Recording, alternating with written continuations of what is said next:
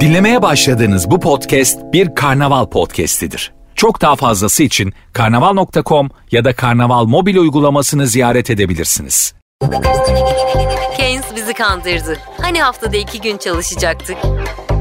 İngiliz iktisatçı John Maynard Keynes, büyük buhranın küresel ekonomiyi ciddi şekilde etkilediği 1939 yılında İspanya'da bir konferansta torunlarımız için ekonomik olasılıklar başlığıyla bir konuşma yapıyordu.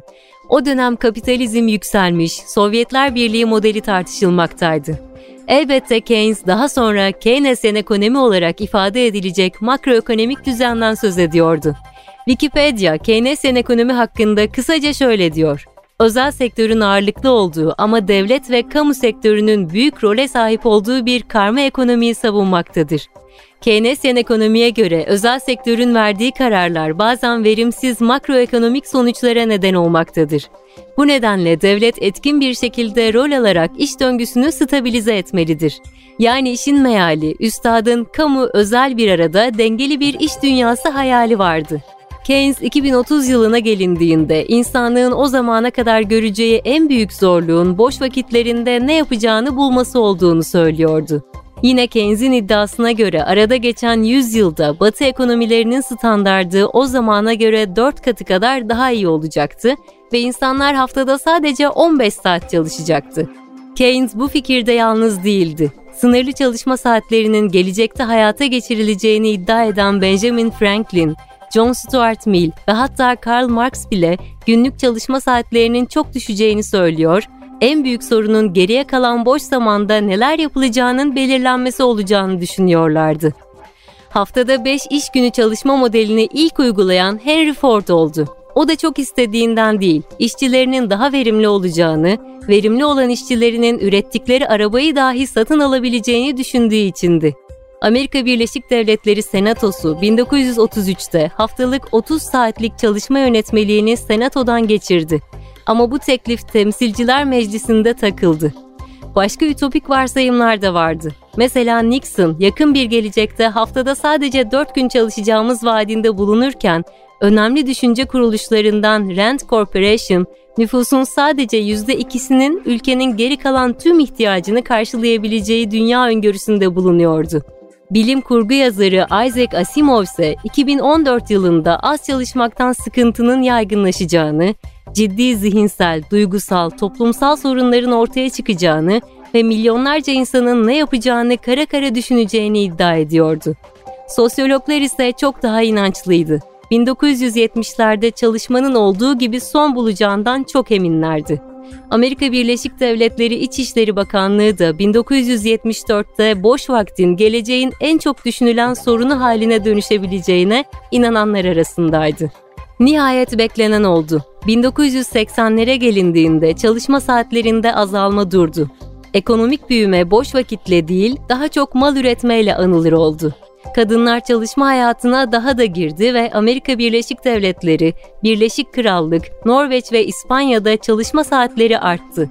2000'lere geldiğimizde robotlar, otomasyon ve yapay zekanın iş gücüne etkileri tartışılmaya başlandı.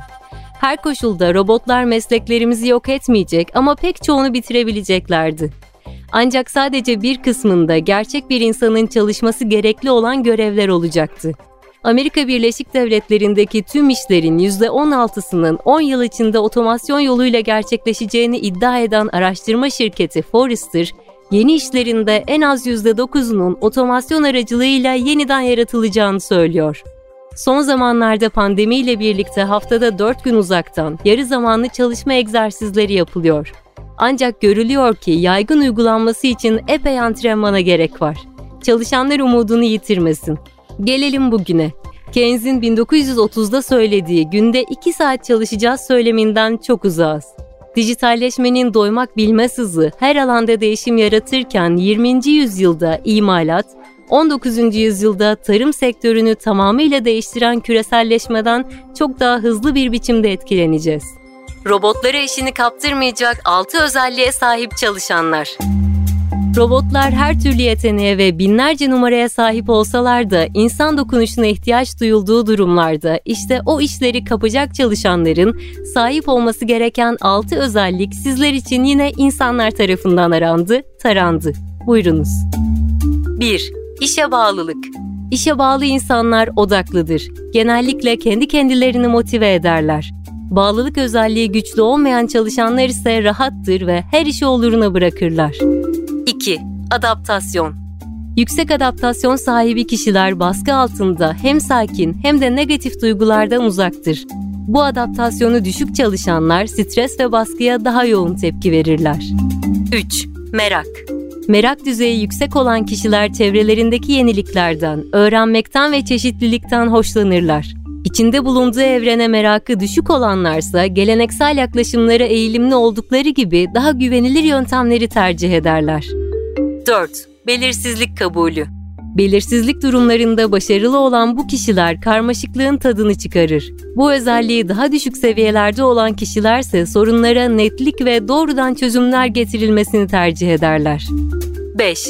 Risk yaklaşımı Risk almayı seven karakterler kişisel sorunları proaktif şekilde çözmeye isteklidirler ve her türlü zorlukla yüzleşmekten korkmazlar. Bu özelliği düşük olanlarsa uyumlu olmaya ve başkalarıyla çatışmaktan kaçmaya eğilimlidirler.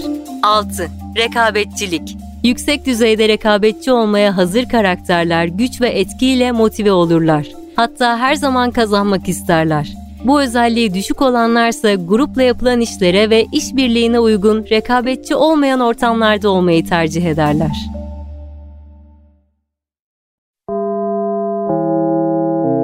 Dinlemiş olduğunuz bu podcast bir karnaval podcastidir. Çok daha fazlası için karnaval.com ya da karnaval mobil uygulamasını ziyaret edebilirsiniz.